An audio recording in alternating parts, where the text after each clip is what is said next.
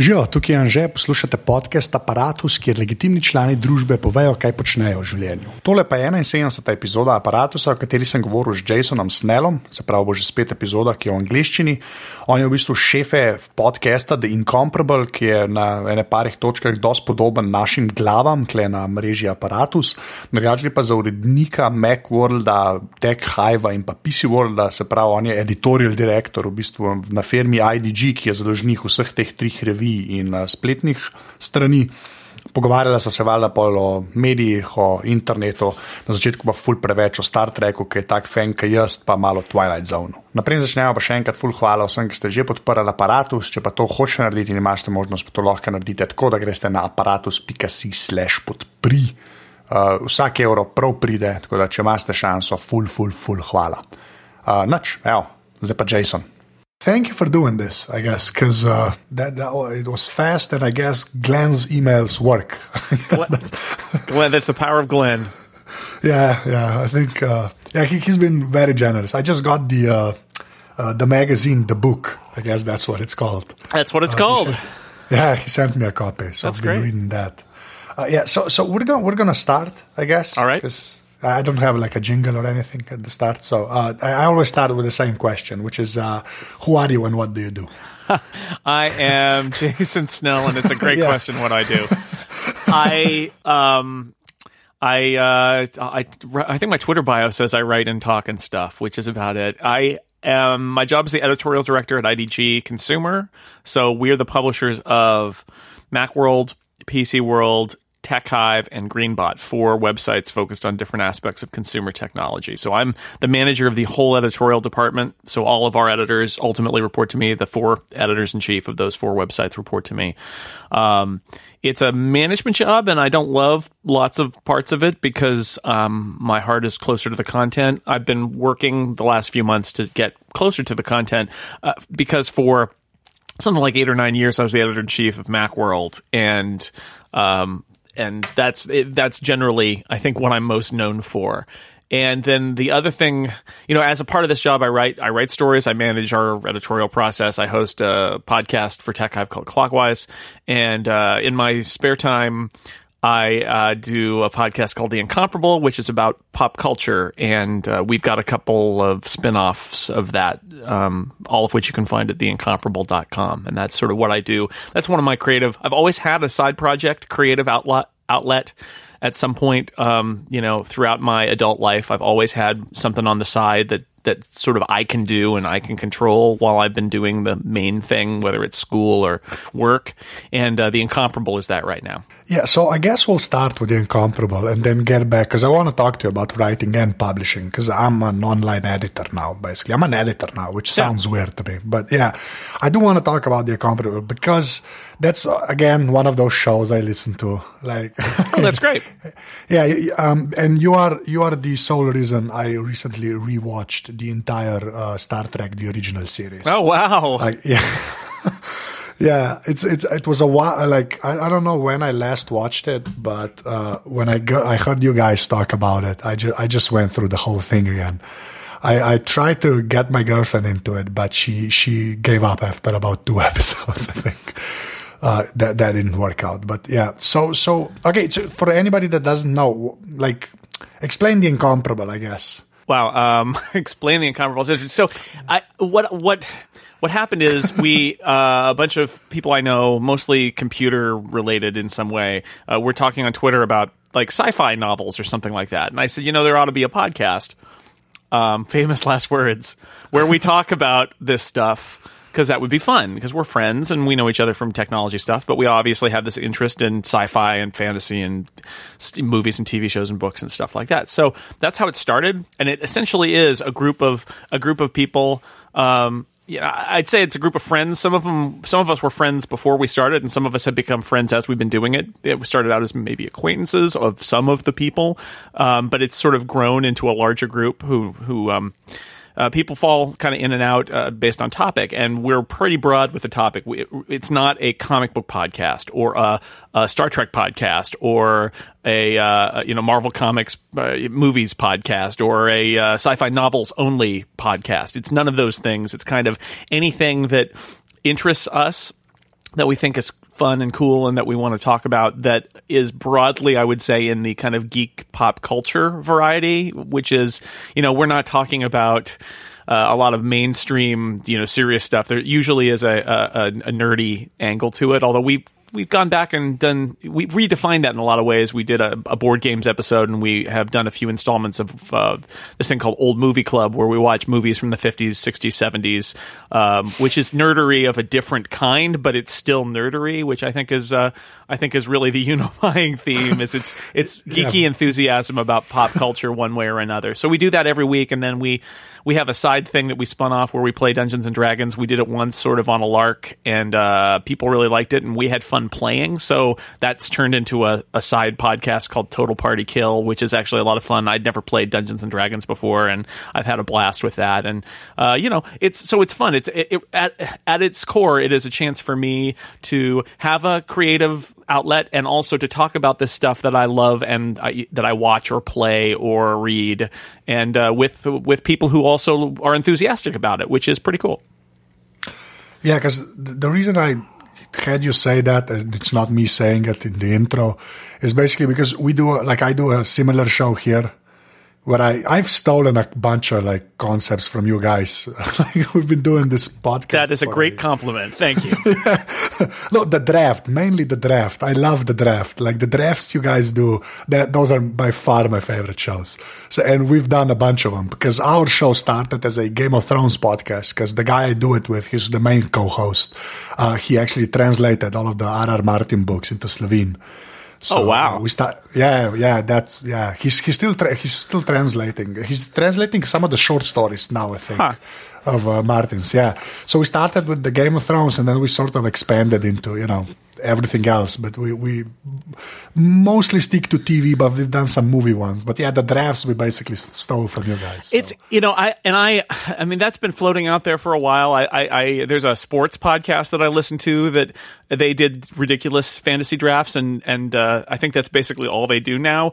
And I, I always I always thought it was a fun a fun way to do it. I, I did fantasy uh, football and baseball and things like that, and, and you draft players, and I, I thought it would be it, it really is just an excuse to, for everybody to make a list of things they like and talk about them. And at its base level, that's good. And then it adds this slight area of competitiveness where um, if somebody else picks it, you don't get to pick it, although you can still talk about it. And so it's, we actually did one last night as we're recording this. We recorded one last night, and uh, I, I, the same guy, one guy was right in front of the other guy, and they had similar tastes. And so every time the first guy would pick, the second guy would be like, "Oh, you took my pick," but then they would.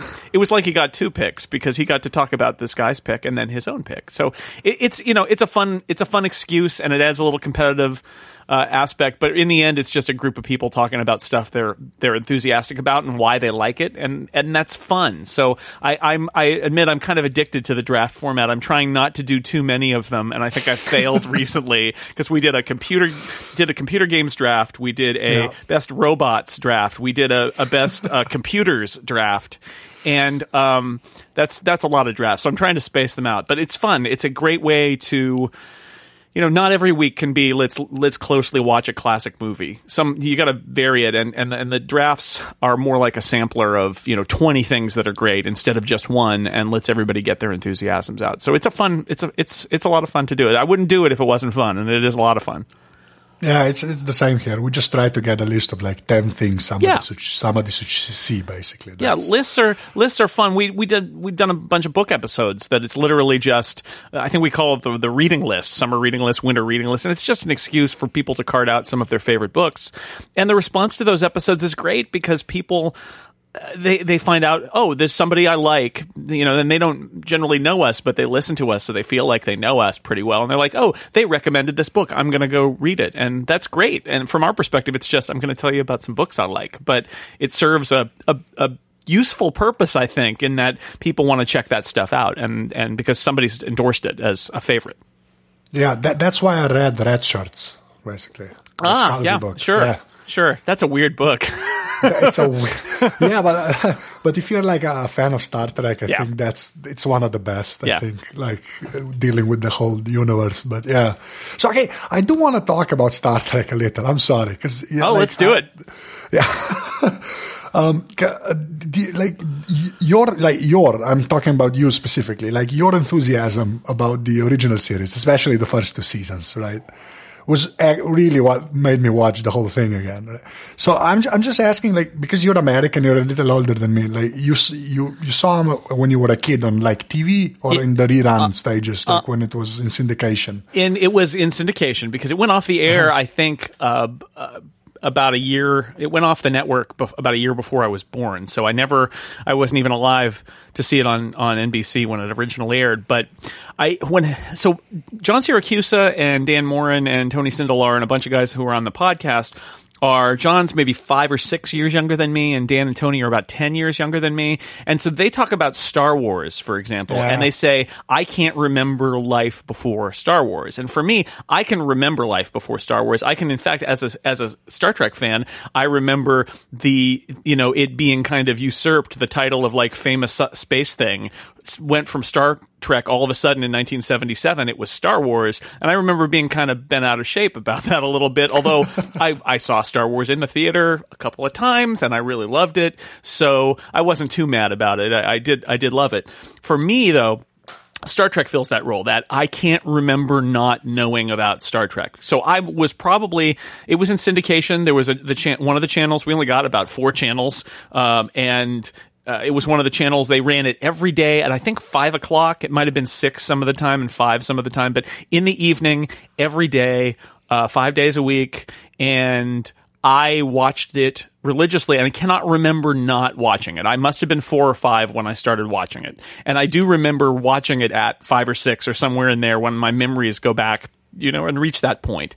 and because I, I, remember also that in 1977 or something like that, when I was six years old, I uh, uh, they ran the animated series, and I didn't even yeah. know it existed. And I was like, "What is this?" And I remember being really, really excited about it, which means I'm I already had the, all the original series committed to memory. So for me, it is. I get when Dan and John talk about how Star Wars is sort of imprinted on them they they knew Star Wars before they knew themselves. Essentially, that's what it's like for me. And Star Trek, the original series, is it was the thing that I grabbed onto that imprinted itself on me. And you know, Captain Kirk and Mister Spock and Doctor McCoy are. I mean, it, it sounds ridiculous to say this, but they are a part of me in a way that probably a lot of maybe most other pop culture stuff is not because it hit me at that perfect moment and became you know a part of my childhood experience. They were like childhood friends in a way that star wars i remember those were great movies when i was a kid growing up. Star trek i just can't imagine life without it. It's just some there's a little difference there. Yeah that's yeah. See that that's the answer that I wanted, basically. Hmm. I'm happy to I'm happy to to provide that for you. Yeah, it's funny, and I don't know what that difference is, but that's that to me is the is the difference. Is if you can't even remember life without it, then it's just a you know then it's not something you ever discovered in life. I mean, as as you as you get older, uh, the world becomes almost entirely things that you discover and you think that's life as you find new things. But there's that moment when you're a child where you can look back and say, you know, these are the things that just I assumed were part of the world, like a, a car.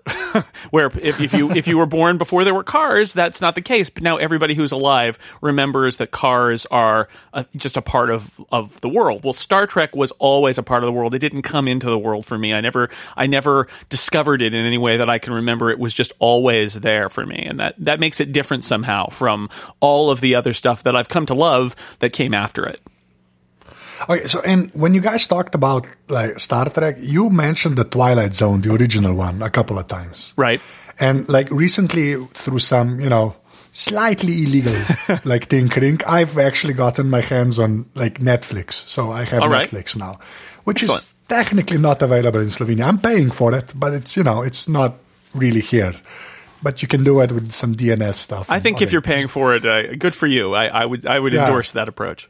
Yeah, yeah. Well, that, that's why what I keep telling myself. So, uh, sure. uh, uh, so the entire Twilight Zone is actually available there. I've never seen that, but because I I, I um, heard you mention that you know some of the Star Trek episodes were basically just you know copied like mm-hmm. Twilight Zone episodes with the, like Charlie X and stuff. Right? Yeah, that's supposed to be yeah. So I'm watching uh, the Twilight Zone now Uh, I think I'm like 20 episodes in. This has been like the last month before I go to bed. I just watch a uh, Twilight Zone episode. So I just wanted to ask you, since you're the, you know, you're, you're my focal point here. like, uh, like um, was America like? You see, the thing is, like, I, I, I, have seen like old movies, like old American movies, but I, I haven't seen much like black and white American TV because everything I've seen was, you know, in color, Right, right. maybe from the 70s on. Like, but it's like proper, like from 1959 Mm-hmm. and stuff. So, like, how how was that in America? Like, how, like the was was that actually America, or is that like a Hollywood version of it? I if you know what I mean? Yeah. Like, well, I I was born in 1970, so I I I, I can't. No, I, I get that, but I, I'm just saying, like you saw, you you know, you saw some of the black and white stuff because it was on TV there, and it was never Right. on TV here, Right. And like very few, few of those shows, sort of, you know, have the uh, are like the Twilight Zone that you can watch them now and not just feel completely embarrassed by the production value right and all of that stuff. right well the, the black and white uh, it- it's like hd now i mean I, I i feel like the black and white shows there was a divide and almost nothing was shown after a certain point or exported because people didn't want black and white TV anymore. They wanted color. Just like now, i i- this is why all the studios are going back and trying to convert all their old shows that were done on film to HD, is because there's an investment there. People at some point are just going to refuse to watch something that's not in HD. But the Twilight Zone, you know, it was it was such a different show. It, stayed on the air when most of the black and white, like like some shows that were shot in black and white to begin with, and then shot in color later. They they literally like stopped syndicating the black and white seasons because nobody wanted to see them. So there's a season of Gilligan's Island that's in black and white that I've never seen, and I watched every episode of that. There's a, I believe there are a couple seasons of Bewitched that were shot in black and white. I mean, so th- there was like we're not going to even talk about those because we can't sell them in syndication. I imagine those studios they should colorize them is what they should do because then they could sell them again. Uh, but so so the Twilight Zone survived because partially I think because the black and white is sort of moody and it and it actually kind of fits the the subject matter because it is strange and spooky and and serious and um and it, because it had a huge cult following that was more among I would say more among horror um, genre fans than sci-fi fans, although that's not entirely fair to paint the Twilight Zone with that brush. Uh, I certainly, the people I knew who loved the Twilight Zone, and I was never a huge Twilight Zone fan. Those people were were horror fans. They loved, and, and in fact, Steve Lutz on our podcast, he's a horror guy and he's a Twilight Zone guy. So I think there's some affinity there for some of those stories. But that is. Um, you know, and it's funny too because Rod Serling, although he's legendary, I think would be considered maybe the greatest writer in, in television history if it weren't for the fact that he wrote prim- primarily in a genre, in this, you know, sci fi horror genre of the Twilight Zone, because people look down on that sort of thing. But, you know, he gathered around him these brilliant writers and they made these little, um, little plays, these little 25 minute anthology show plays. And that's the other downside of the Twilight Zone is that, you know, you don't have characters to glom onto like you do with Star Trek, where it's the same people every week. It's new. It's a new play. It's a new story every single week. So they're much more like short stories than like uh, you know a novel with the characters that you follow through. But um, but it's brilliant stuff, and and it is in the Hollywood. And this is what one of the things that I think they've got in common. They have writers in common, Star Trek and the Twilight Zone, but also that Hollywood production thing. Like I'm a fan of Doctor Who, and when you look at the '60s and '70s Doctor Who, it's not a Hollywood show. It is. It is That's a. putting it well, I, I know, I know, but it, just in terms of the way it's made, I mean, you can tell that in Britain they had a stage tradition, and so in Britain the mm-hmm. idea of TV was you get a bunch of stage actors in a room oh, with a Oh, bunch of say- yeah. with a bunch of cameras, and you just film it. And and Hollywood was this movie making machine and a, a movies, but also B movies, westerns, action adventure. And if you look at the Twilight Zone and you look at Star Trek, that's what you're seeing. Is those came out of the they they're TV and not movies, but they are out of the Hollywood production system and they're shot like you know if you look at something like Forbidden Planet, Star Trek is essentially a ripoff of Forbidden Planet. I don't really like that movie, but it looks exactly like Forbidden Planet and it's shot like Forbidden Planet, and that's that's the thing is that these these shows were made by the people who made movies in Hollywood in the 50s and 60s, and it feels like it. And so they've got that in common too. Um, and I suppose if we watched Have Gun Will Travel or Gunsmoke or something like that from that era, you'd get a similar kind of feel. Um, but it, through 50 years of history, I think that's one of the things that that comes through from from both of those is that they feel, you know, they may feel old, but they feel um, kind of glossy and well made in a way because they they came out of that machine that was just for 50 years already had been spitting out, you know, adventure stories and mm-hmm. westerns and things like that. Yeah, and well, with the Twilight Zone and some of Star Trek, the, no, the writing's actually like pretty good. I mean, for like when you factor yeah. in when the, when those two shows were made, I mean, because you know, like I've just seen those two from like that period. I get well, it's ten years in between, I guess. But you know, uh, just it's just I don't know. Like American TV was American TV wasn't all like that, right? I mean, that's just. I not- yeah, there were there were anthology shows like um, Alfred Hitchcock Presents is an example mm-hmm. of an American TV show anthology series with a that was you know that was the mystery thriller suspense companion to the sci-fi horror fantasy of Twilight Zone. They're similar in a lot of ways. Um, no, it wasn't like that. You mentioned the writing. I mean, Gene Roddenberry wasn't a very good writer. Let's just be honest. And he had yeah. some decent writers around him, um, but you know he also made some decisions that I mean he created Star Trek and that's great, but he also made some decisions that probably prevented um, the writing from being as good as it could have been. And he he surrounded himself with some good writers, um, but there were also some bad writers.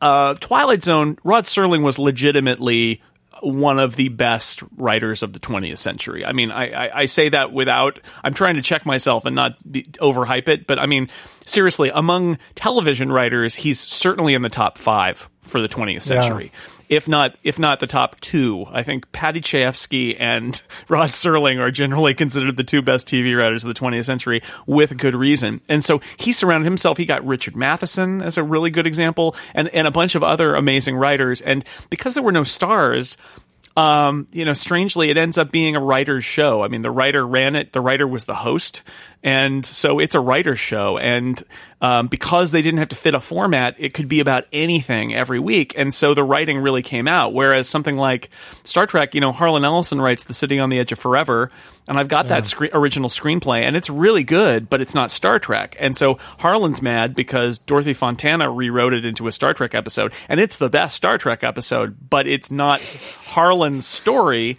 because it has to fit. And in the Twilight Zone, you know, it was their it was their story, or Outer Limits, which which was a follow on, and that which Harlan Ellison wrote for, very similar, or Night Gallery, which Rod Serling did in the seventies. So yeah, that was part of that anthology TV show tradition, which kind of doesn't exist anymore. Uh, but it, but what what what is like that today is that TV is again more of a writer's medium. The generally this concept of a showrunner, that person is a writer, they're the head writer and they're the executive producer and they're in charge of the show and they control every aspect of it. And that's I think why TV is so um, good today is because the writers are in charge and they are making decisions based on their storytelling. And uh, that wasn't true for a lot of TV history, but it was true with the Twilight Zone. And I think that's why the Twilight Zone endures. Yeah, and that's that's a great comparison with the TV that's coming out of America these days, because like since like the early 2000s, I guess it's just gone up and up and up and because you know in the 90s the tv drama was i don't know what the best one was but you know compared to today they were pretty lame i guess yeah or, or, I mean, and one, certainly in percentage wise i mean there were some like uh, yeah. uh, nypd blue had uh, yeah the a early couple, seasons were yeah right had a couple of really uh, great writers at the center of it, and uh, Homicide: Life on the Street was sort of similar, but and the, and that led to The Wire, which was which was great. Game of Thrones is an example where Weiss and Benioff, right, who are the guys who do it, they're the they're they're writers and producers, and they run that show, but they're also the writers, and yeah. it means that they have you know creative control or something like True Detective. There's a guy who wrote that series, and he yep. control and he was the showrunner, and he worked with one director, and it's like a an eight hour long movie but it's his vision. He doesn't have the director works for him, right? And there's no. I mean, the studio I'm sure gives notes, but it's it's much more of a singular vision than a kind of. Uh, it, I, I think in the last 20 years before this last five or ten, uh, it was much more of a kind of a product where the writer was interchangeable, and it was either about the star or it was about the producer, and the writers didn't matter. And the the rise of the writer, I think, is why there's so much good TV now that that wasn't there before. And you know, I'm sure Rod Serling would love it because that was that was his thing. Is he he was a writer who wanted complete creative control and ended up getting it most of the time.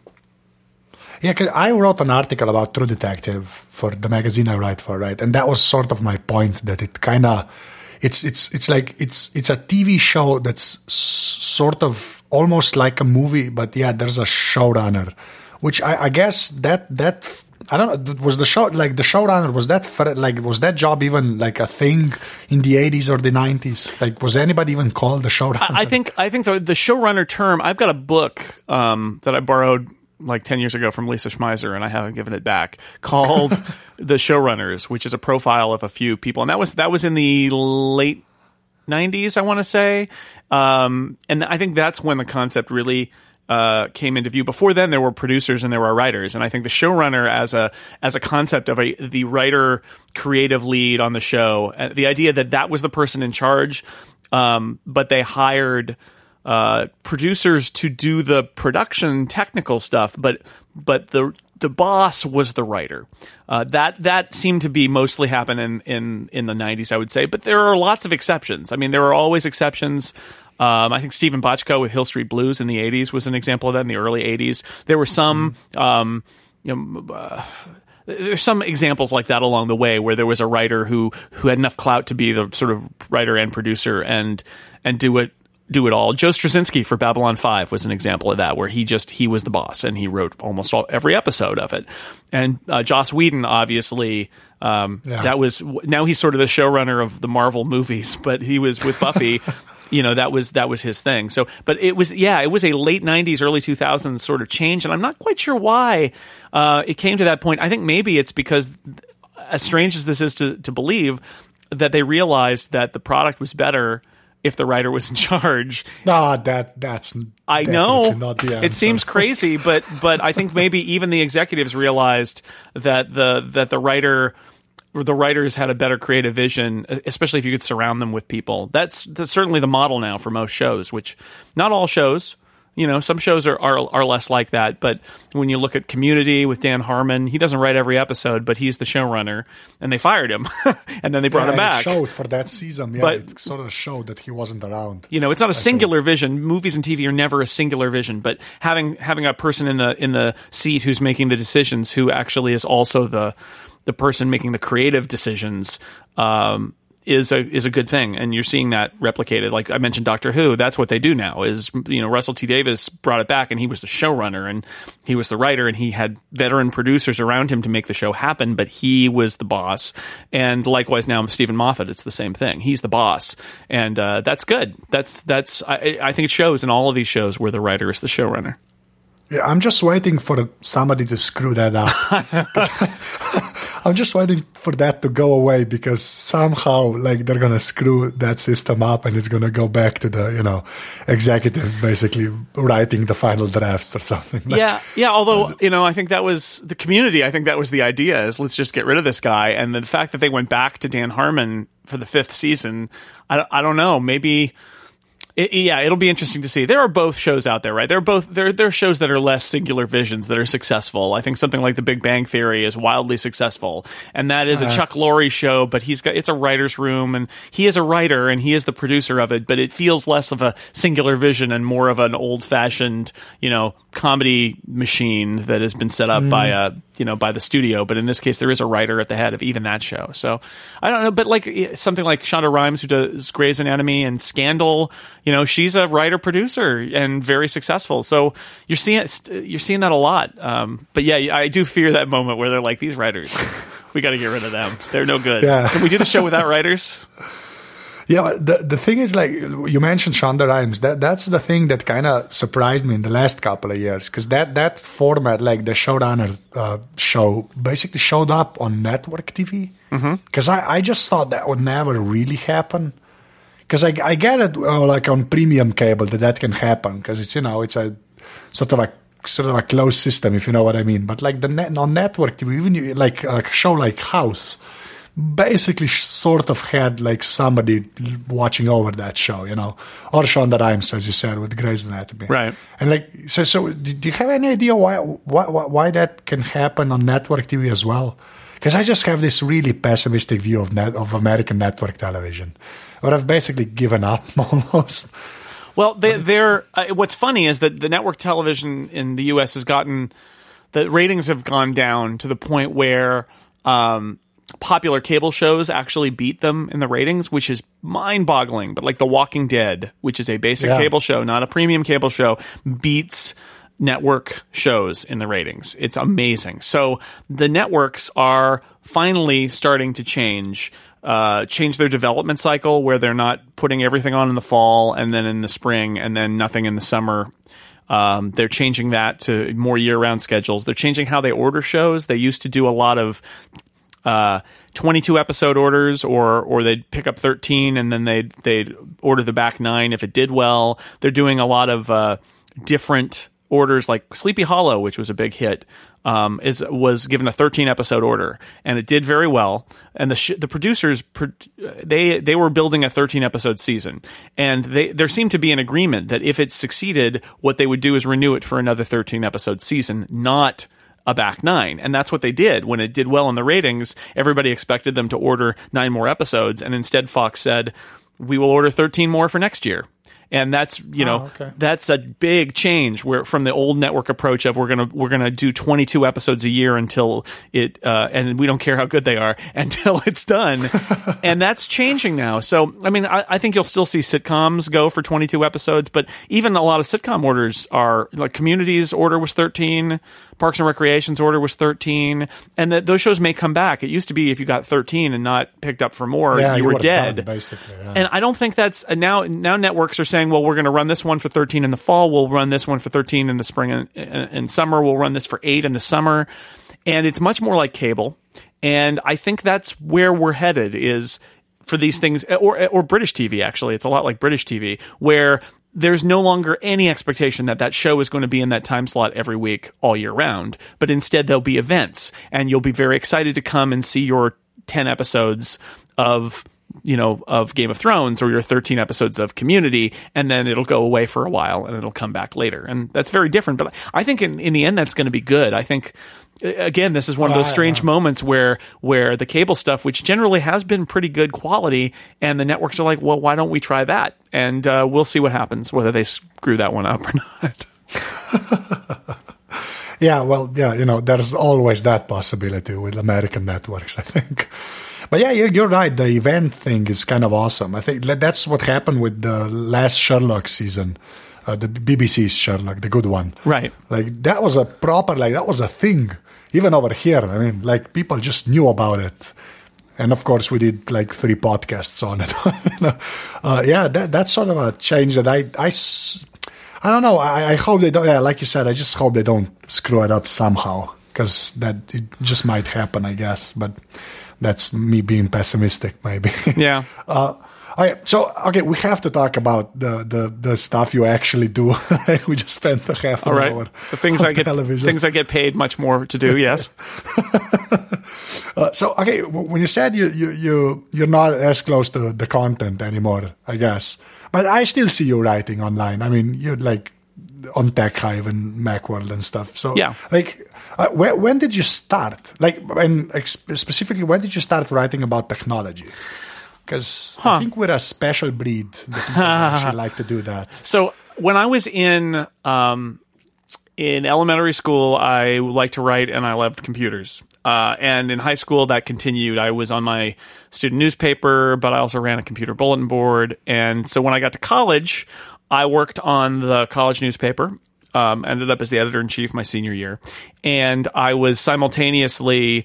Um, we had just the the the the newspaper had just gotten Macs to do all of its publishing. So that was the first time I used a Mac. Really, I had an Apple II at that point, an old Apple II, and uh, I bought my first Mac that year. I was like, oh yeah, I'm going to get one of these. Uh, got some money out of the college college account. And I was like, I don't know if I can pay for the last quarter, but I'm going to get this Mac now. I have to get this Mac now. And I was wiring, like, I was the editor in chief, and I was also like wiring the the um, the LocalTalk network in the office so that we could move move files around instead of having to because we had one Mac 2 and a bunch of Mac SEs, and if you wanted to print on the 600 DPI size of a truck image setter, you had to put your your PageMaker file on a floppy disk and walk it over to the Mac 2, kick off who was ever on the Mac 2, and then print it. And you know, by the time I left there, you could print from any of the computers. We had also upgraded, and we had more Mac 2s at that point. But uh, we had one with with it didn't even have color; it had grayscale. Ooh! Um, but uh, you could print to, uh, from any of them, and you could also copy your files over the network. Um, so if you wanted to get on the faster computer, you didn't have to walk it over SneakerNet with a with a floppy.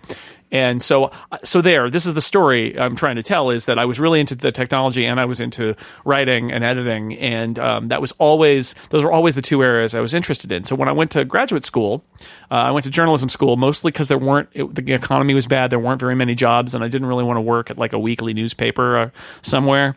Um, so I went to journalism school figuring uh, I'll find out if I want to do broadcast, which I decided I didn't want to do TV. Um, that was so that was a good lesson learned, and because um, I didn't really love the medium, and uh, also you make connections. And I met an editor, a senior editor at MacUser magazine, who was a journalism school graduate who is now teaching there, and I got her to get me an internship at MacUser, and they liked me, and so they hired me. They I, there were a couple months where I was a, I was freelance writing for them a little bit, and then I got another job offer that was not nearly as good, and they were like, "Oh wait, wait, wait, wait, we will offer you a job," and they offered me a job. and and and literally from there, so I started as an intern, then was an assistant editor, and um, in in '97 they uh, they shut down MacUser and transferred a bunch of us to Macworld, and I went to Macworld then. Um, so I, I, went from literally went from intern to uh, senior vice president and editorial director. It took 50, it took like twenty years for that all to happen, but but um, so I got so that was really it is that I I expressed an interest to um, that editor. Um, Pam Pfiffner, I said, you know, my mom wants to know what I'm doing this summer as an internship. Give me an internship. And she's like, all right, I'll, I'll, I'll work it out. And I bugged her for weeks and I got an internship. And uh, I loved it because then I was doing both simultaneously. I was writing about uh, Macs and uh, I was playing with the tech technology, the tech toys, and uh, and and getting to write about them, and and starting my uh, media career. So that really was it. Is I was combining an enthusiasm with, uh, you know, of of technology with uh, my skills that I had been building up as a as a writer and an editor. Um, and so it was and it was fun. It was a great combination. And, and so looking back, I would say that in some ways, if if you were somebody who knew me in in high school, you would not be shocked, you know, uh, to find that, this is my career path. Now, when I went to my when I went to my high school reunion, um, what I found out, see, I've been saying this, and now I've sort of invalidated it because what I found out when I went to my high school reunion is some of the people remember me as a computer guy, and some of the people remember me as a media guy, a video or or newspaper or writer kind of guy. Um, but nobody seemed, except for some of my closest friends from then, to remember that I did both. So it's like some of them were surprised that I was in the media, but they weren't surprised about the computers, and some of them were surprised about computers, but not the media. Um, but anyway, I I don't think my career path has been too shocking because I was interested in this stuff. In seventh grade, I was interested in these two things. And I've been very fortunate that I've been able to combine both of them um, for as long as I have. So that's that's that's sort of it. Is it did it it came out of a dual interest. I was always I'm not one of those people who was like, well, technology that seems marketable. I'll write about that. it was like no, I was a tech obsessed person. I loved it. I was always a the one of the computer people and uh, but I was also a media obsessed person. I had a radio show in in, in high school on the high, we had a high school radio station. I worked at the high school newspaper, and we had a video production uh, class, and I made you know videos, both uh, movies and also some you know news kind of stuff. Uh, so it was both of those were always there. Okay, yeah, that's because yeah, that sort of makes sense, I guess. Because I, I didn't know you were uh, at well MacUser and then Macworld the whole time. I figured there was a break in between that somewhere. The whole time. The whole Wow. Okay, so that that's sort of I've never I've never quit a job or left a job to go to another job in my professional career. Not yet, anyway. just, I imagine that will happen here at some point. But but um, because I like starting an intern and getting to editorial director, there were lots of jobs in between. So every couple of years, I've been doing something different, except for the sort of eight years as editor in chief at MacWorld, which is the number one reason I took the job I have now. Is I figured I'd done that job for eight years and it was a great job. It was sort of the job that I'd always wanted. But uh, you know, you do a job for eight years and you're like, I should probably try something else. You know, so. All right, so okay, so because you've been in like print publishing and now online publishing, which is something I sort of love to talk about these days, uh, how has that transition been? Like, how have you seen that transition? Like, because right now print is sort of in decline, I guess. Nobody yeah. really knows. I mean, it's I, either it's, in decline or it's hit the bottom and it's just basically, declined. yeah, because uh, yeah, that was my point. But it's just like it, it can go lower. Yeah. yeah. So, so how? I mean, uh, the, I have a question I have written down, which is, you know, how are you dealing with that? But that's a stupid question. but seriously, how, how, like, how are you dealing with that? okay, so uh, I've got a couple a, a couple answers there. One is personally, I I am not dealing with it at all because I have always been interested in digital publishing and online publishing. I um, in high school I ran a bulletin board and on it I had short, uh, I had a, a uh, I posted short stories and I, I had a serial where you know a, a, new chapter every week and I'm not sure if anybody ever read them but I I did that and when I went to college I started a magazine that was distributed over the internet that was called Intertext that was um, you know, short. It was short fiction, but there was a an ASCII version that we posted to news groups, and you could get by email. And there was a a postscript version. It was there weren't even PDFs yet uh, that you could dump to a laser printer and get a laid out magazine. And so so um, I've always been interested in that. And then and then in ninety. 90 six, I want to say, somewhere around in there. A bunch of my friends who are, a lot of them st- still doing uh, the incomparable with me, actually started a, a, blog, a very, very early blog called TeeVee, which was about television, obviously, T E E V E E. And so, um, and my first job at MacUser was as uh, online editor. Uh, so I personally, I've always been interested in digital. And every now and then I talk to somebody who's like, well, so you're, you know, you come from a print background. And it's like, totally not. I worked for a print magazine because that was where the jobs were. Um, and the web was not a thing when I got a job. But the whole time I was always thinking about the internet and online and then eventually the web. I actually had a conversation with one of the people who who ran our online efforts at Ziff Davis in the in the 90s where I said, "We really do you know about the web? We really need to do a website for MacUser." And the guy basically said, "No, I I, I made the website." And I said, "We need to post this at macuser.com. I know we have the domain. We need to post this." And it was just like you know, how to subscribe and how to send us an email. It was nothing. It was just a presence. And the guy's response was, "The future is on CompuServe," which is like, so.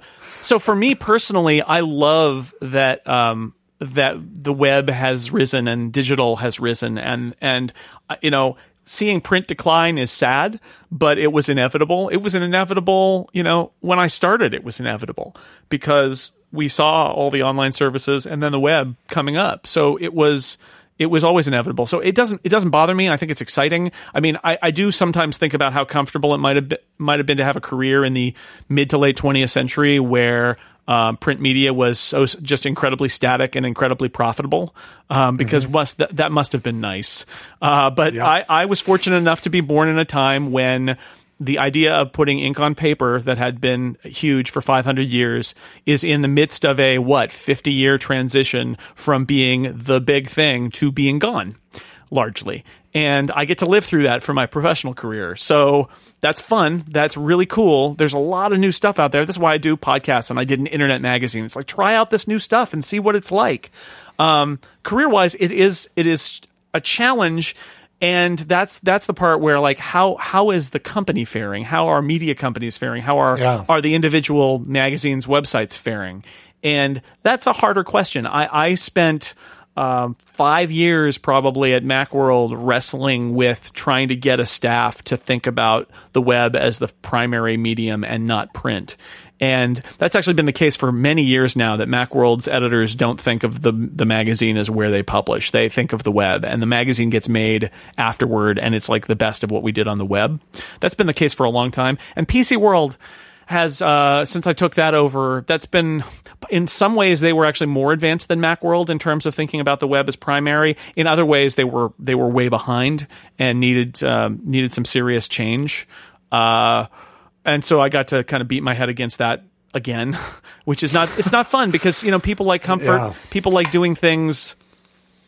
You know, people like doing things the way they've done them and not changing. It's just even if they know they need to change, they don't want to change, and you can get them to agree with you that they need to change, but then they don't change, and you have to go back to them and say, "Remember when we said you need to change?" And they'll say, "Yes, totally." But they don't change, and and that's been that's been a big challenge. Is is that not everybody, even in tech journalism, not everybody uh, gets it, and really not everybody wants to embrace it because they're uncomfortable um, with the change. They don't like the rate of the, the pace. I don't mind the pace of online, which is like instantaneous because I used to do news. Um, but some people just they want to go at their own pace, and you can't do that as much on the web. Or they, um, or you want them to do videos and podcasts, and they're not comfortable on camera or in front of a microphone. Uh, so it's that part is really hard, and then and then from a business perspective, it's really hard because you've got on the business side, even if you're doing good editorial content, the business is changing rapidly. And it's not just the medium that we publish to. We've been adapting to that as much as we can, I think, and doing a, a- decent job of it. You could always do better. But on the business side, there's a whole other set of dynamics that are also happening where advertisers are abandoning print and going to the web. And then what they want on the web is different. And, and, you know, they want to buy audiences and not individual brands. And they, they, you know, they want direct response instead of branding advertising. And that ends up leading to all sorts of, um, turbulence in terms of the revenue's up, the revenue's back down. You got to do layoffs. Now we need more traffic, but you don't have any people because you laid them off, and that's uh, that's been pretty turbulent. So you know, I, it's funny. Um, I I yeah, it, it, it's a challenge. It's a it's it's been really hard, and I think um, you know I, I think we're I think we're kind of past it now in the sense that in, in a sense that we don't we have the print is almost like an aside now. It's like it hap- it happens for Macworld and there's a digital magazine but not a print thing for PC World, but it's not it's not what we do. It's like we've got a group of people who do it after the fact because the web is really where we've been focused. And the the, the challenges are not right now I'd say my biggest concerns are all about the uh, uh, the business and uh, more than they are about the the content. Although I've got some concerns about the content too, but it's it's about what what people on the web want and how you make that happen with the resources that we've got. But that you know that that's that's life. That's that's that's how that's how it works. It's not a it's not fundamentally about a change in mediums media anymore. It's just about the the changes in this medium of web publishing, which is different than going through a print transition like we did for five or ten years.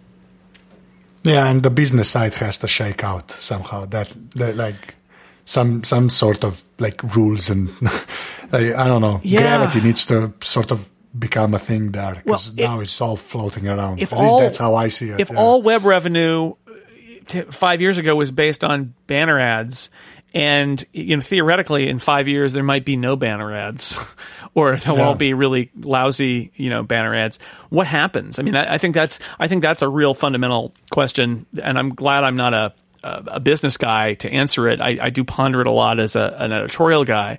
Like what what happens then? You've got these businesses that are built up on um, all this ad revenue, and you, there was a time when I thought that um, the media companies of the future would be all salespeople, and that the editors would just all be fired, and that they would have freelancers and they would have you know computers writing things and databases and and my job would be over and it would just be the salespeople. They would rule the rule the earth. But for the last five or ten years, I've been thinking, no, the future of the media is that the salespeople are all going to disappear, and it's just going to be the editors and writers because they're making the thing that has value, and Google and its ilk are going to completely invalidate all of the ways that things get sold.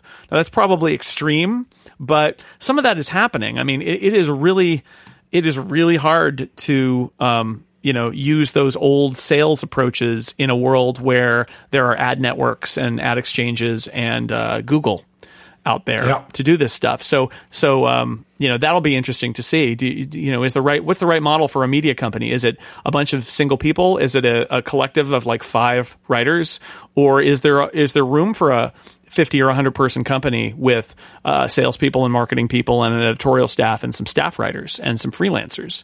I, that's what we are, and I don't know whether that is a shape that will um, will fit in the landscape in five years. I I honestly don't know. It might, but um, it might be that what you really want is something like you know a staff of five or ten editors and writers, and then a couple business people and an ad network. I don't. I don't. I really don't know what the economics are going to be like. Yeah, as a content guy, I hope you're right. That, that's all I'm going to say. I, I'm encouraged. I'm encouraged. Yeah, I read those articles that say, you know, unless you're the very best at what you do, unless you're the one or one or two t- best writers in your subject area, you will not be able to make a living as a writer in five years. And uh, there's some truth to that. In that, you know, if if if every city has its own newspaper reporter who's writing about politics, uh, like like uh, national politics, um, you don't need those people. Or you know, every city has eight, writers who are writing about the baseball team, you might only end up with two. There's there's some of that that is true, but I'm not entirely convinced that you know the only people who write about technology in five years will be The Verge and CNET. I don't, you know, I just don't think I don't think that's true. Um, but we'll see. Okay. Wow, that was actually like a hell of a lot more optimistic than I thought it was going to be. well, you know, or or we will all find lucrative jobs doing project management or woodworking or Yeah, woodworking, yeah, I think I'm or uh, driving a garbage truck. oh wow, but like I, I like I told Glenn, like I wish you guys would see how it is over here. Like it's just yeah, because I think some of that optimism would just not be there. I Oh. think. So how how is it over there? oh, it's you know Europe, man. Yeah. I don't yeah, know. we're, we're I, I go back and forth with the optimism, but I, I see people out there, and not you know you can't just point at John Gruber, but like I see people out there who are, I think I think you can, I think you, there's a business to be made having a, writing good stuff and having writing good stuff, making good podcasts, having a loyal audience. I think there I think there are small businesses to be made there, but that's the thing is I'm not sure if the I think the Verges of the world can probably make it, and I think you know the Ars Technicas or the you know MacStories of the world can make it where it's like a couple of people. The question is, is there um, you know is there something in between? Is because that's where all the traditional publishers are is these in betweens where there's huge overhead, but they've got these big sales staffs that come in and bring in a million dollars. But if that goes away, you know, I, I don't know. And and yeah, not everybody can be a one person daring fireball because people aren't going to read 18 different daring fireballs every day. Yeah. And you see, that's all through the prism of being a, like an American where there's 300 million people in the country. Right, right. See, fair that's, enough. That's the thing. Yeah, that's why I told Glenn, and he just, you know, like I blew his mind on a couple of points, basically. well, well, I've got that. I've got that episode in my in my podcast app, but I haven't listened to just the Oh, begin, just the beginning where you talk about swearing in various languages. Um, but but I'll get to the rest of it. But yeah, it's it's. I mean, I think this is one of the smart things that Federico Viticci did when he launched MacStories in English.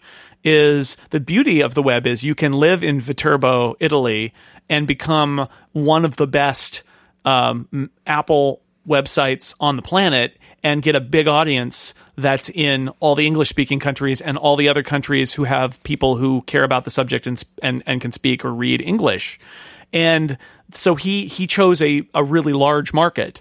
Um, if you're covering local stuff and if and if you're or if you're covering it in a language that is only spoken by a certain number of people, it's a lot harder. And that I would say that's your predicament is very similar, I think, to the predicament of like local news in the U.S., where it's like I I have we have a, a, a newspaper in my county that's not very good, and then like my city has almost nobody covering it. They tried Patch.com, it didn't really work, and there's got to be a way to have like even if it's one person like one person reporting about my local issues.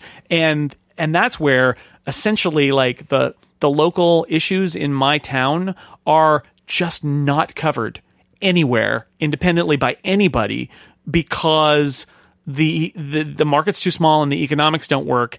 When in the old days a newspaper would would have been able to make it work because the economics were different. But now you know it's just a, a wasteland I think that's so. that, yeah, that that's sort of the vibe I was going okay. for. Yes. All right. All right. Yeah. Yeah. Well, because then it's the small. I mean, tech tech is like I I have an addressable audience of everybody who reads English in the world who cares about technology. And yeah, there's some local differences if you're in Norway or if you're in Slovenia or if you're in Ireland or if you're in Brazil, but you know, uh, you can uh, that's my addressable audience for tech and um, yeah, if I was writing about Mill Valley or Marin County, um, or even the Bay Area, you know, if I wrote about the Bay Area, my addressable audience is seven million. You know, my, writing about technology in English, my addressable audience is what half a billion at least. So, uh, you know, that's the that the scale really helps. that's this is yeah. I just love how you say seven million, and that's by and Slovenia's two million people. Right. well, no, that's the that's the perspective, right? Is that is that um, that that we it's harder for us in the U.S. to to to get is that yeah my my region the seven Bay Area counties I think is seven million.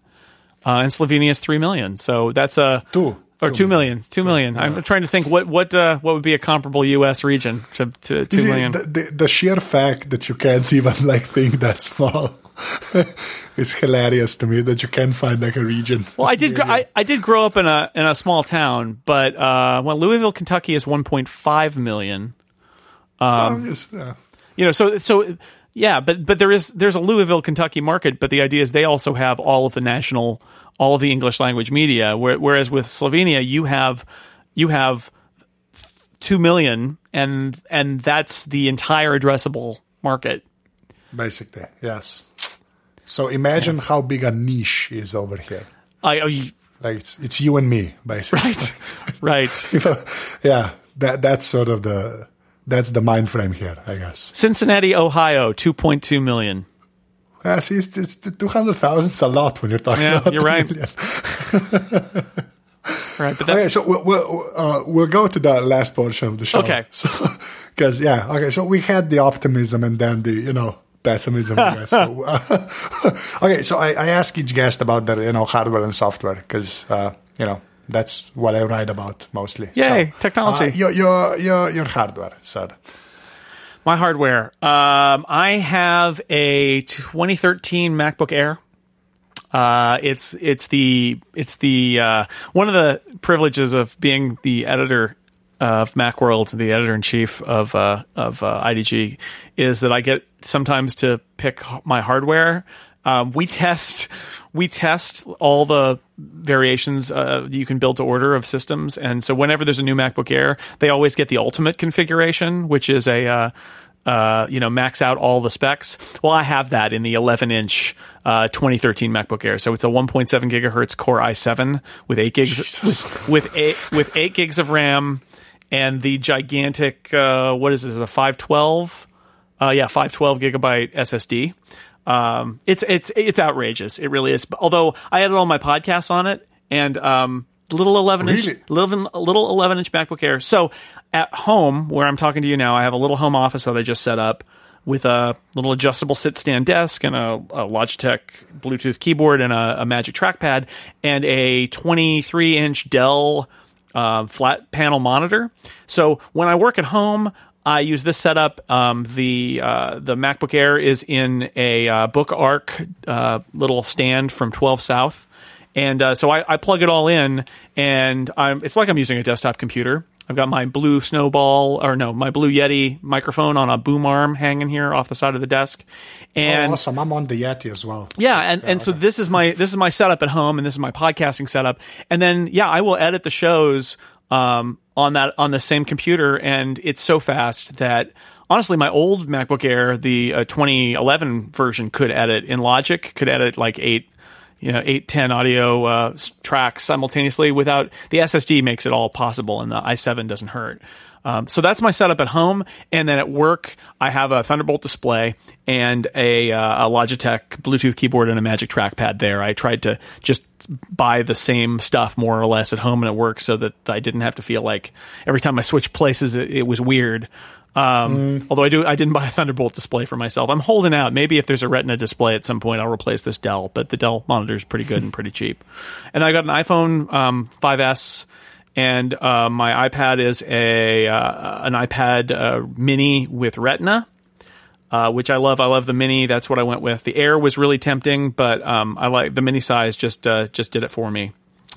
Um, and what else would you like to know about my about my computer? Oh, just things? the Kindle because you have a Paperwhite. I'm guessing. I do have a Paperwhite, and I use it to read my uh, my daily newspaper. I actually read on that because I think it's a better reading experience than the crummy um, iPad app that they wrote that is has ads and doesn't scroll right and the Kindle is kind of pure and it's just text on a page and that's what I like and that's where I read most of my novels too is on the Kindle Paperwhite. And then in my you know in my in my uh, living room I've got a in addition to the HD TV I've got a there's a Mac Mini back there with a bunch of hard drives attached to it that's sort of my media server.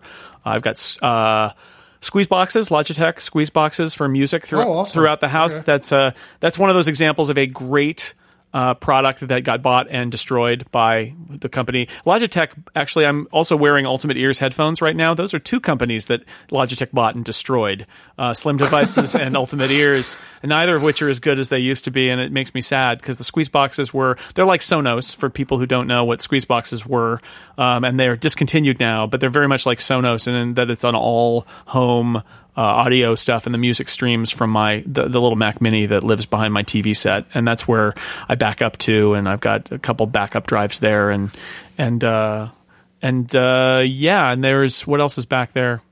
Um, I don't know, a bunch of game consoles and things like that. But that's and an Apple TV. There's an Apple TV and a TiVo. And- of course, there's an Apple TV. So, Yeah. that's that's. Uh, I was going to be. write that down anyway. So. Yeah, yeah. I've got a so, Roku uh, somewhere too, but I now that I've got a TiVo, that's that does pretty good Netflix, and and uh, so I only and now that um, Amazon's streaming will do air. Fire, fire, fire TV thing. Yeah, I don't have that, but the Amazon streaming app on the iPad does AirPlay now, so you Oh, you okay, can so get you Amazon send Video it. on the Apple TV, even though there's no app for it. Oh, awesome. Yeah, we don't have Amazon Video because we don't have a localized Amazon. Amazon is really Yeah. bad internationally. That's a funny thing that people don't. people in the U.S. awful. lose sight of that. That they, that if you if you draw a map of where Google, Apple, and Amazon are, you realize that A- Apple is in some ways the only one playing the international media game. It's really interesting. Yeah, yes, yes, which is sort of insane to me as I- to why Google isn't there. Like, I just do not understand that. yeah, It's so weird. Yeah, Apple is, pre- and sa- saying that it, Apple has its shortcomings. oh sure, like, you know, it's just ahead of the I- rest of them. yeah, basically, yeah, it's just so far ahead, but they're nowhere near to like where they should be. Right. Basically. Okay, so as far as software goes, just like the apps you actually use on your iPhone. right on my iPhone. Yes, on your iPhone. Okay, apps I actually use on my iPhone. I was I was winding up to to talk about the uh, talk about the Mac, but I will talk about the iPhone. Twitterrific okay. is my is my Twitter client of choice. Um, MLB at bat for the Major League Baseball app because I'm a baseball fan. Instacast is my podcasting app. I can't wait to try Marco Arment's podcasting app, but for now it's Instacast. Um, Fantastical on the iPhone. I like. I don't really like it on the iPad, but I like it on the iPhone and the Mac. Um, Grocery IQ is where my wife and I keep our, our, our grocery lists. It's actually great. Dropbox, um, Vesper for notes, Ah, the Gruber app, okay. Romantimatic by Greg Knauss, which reminds me every couple of days to send a text to my wife telling her I love her. con- oh yeah, I saw that piece he wrote Yeah. when he got this. Oh, that was like one of my favorite things from last month. I yes, think controversial, but it's Yeah, well, yeah, but it's so well written. That was seriously, that was one of my favorite things I read. Yeah, I'm gonna put a link into that to that also. So yeah. I think those Oh, are the yeah. ones. Yeah. Okay, just uh, one more. Like, do you have any iPad specific apps, like one or two that you just use on the iPad? Because that's sort of a thing I always ask. Because you know, Yeah. something that has an equivalent on the iPhone, maybe. Sure. Um, let's see. Well, I, I, I only read comics on the on the iPad, and I read them in in Comixology or in Chunky Comic Reader, or I guess Marvel Unlimited. I read some there too. Um, but I there's a phone version, but I never use it on the iPhone. Um, Squeezebox has a there's a there's a control app for Squeezebox actually called iPeng, uh, like Penguin, that is um, a guy in Germany writes, and there's an official one, but it's no good. And this is really great. And since I have the that's my remote control for the the all home music system. The TiVo app I use only on my iPad, where I can load shows onto it from my DVR. Uh, that's where I play threes. I don't play threes anywhere else, but on the iPad, as it, you know, as it was intended. Um, and I, the New York Times iPad app is great. Um, so it's hidden away in newsstand where I can never remember it.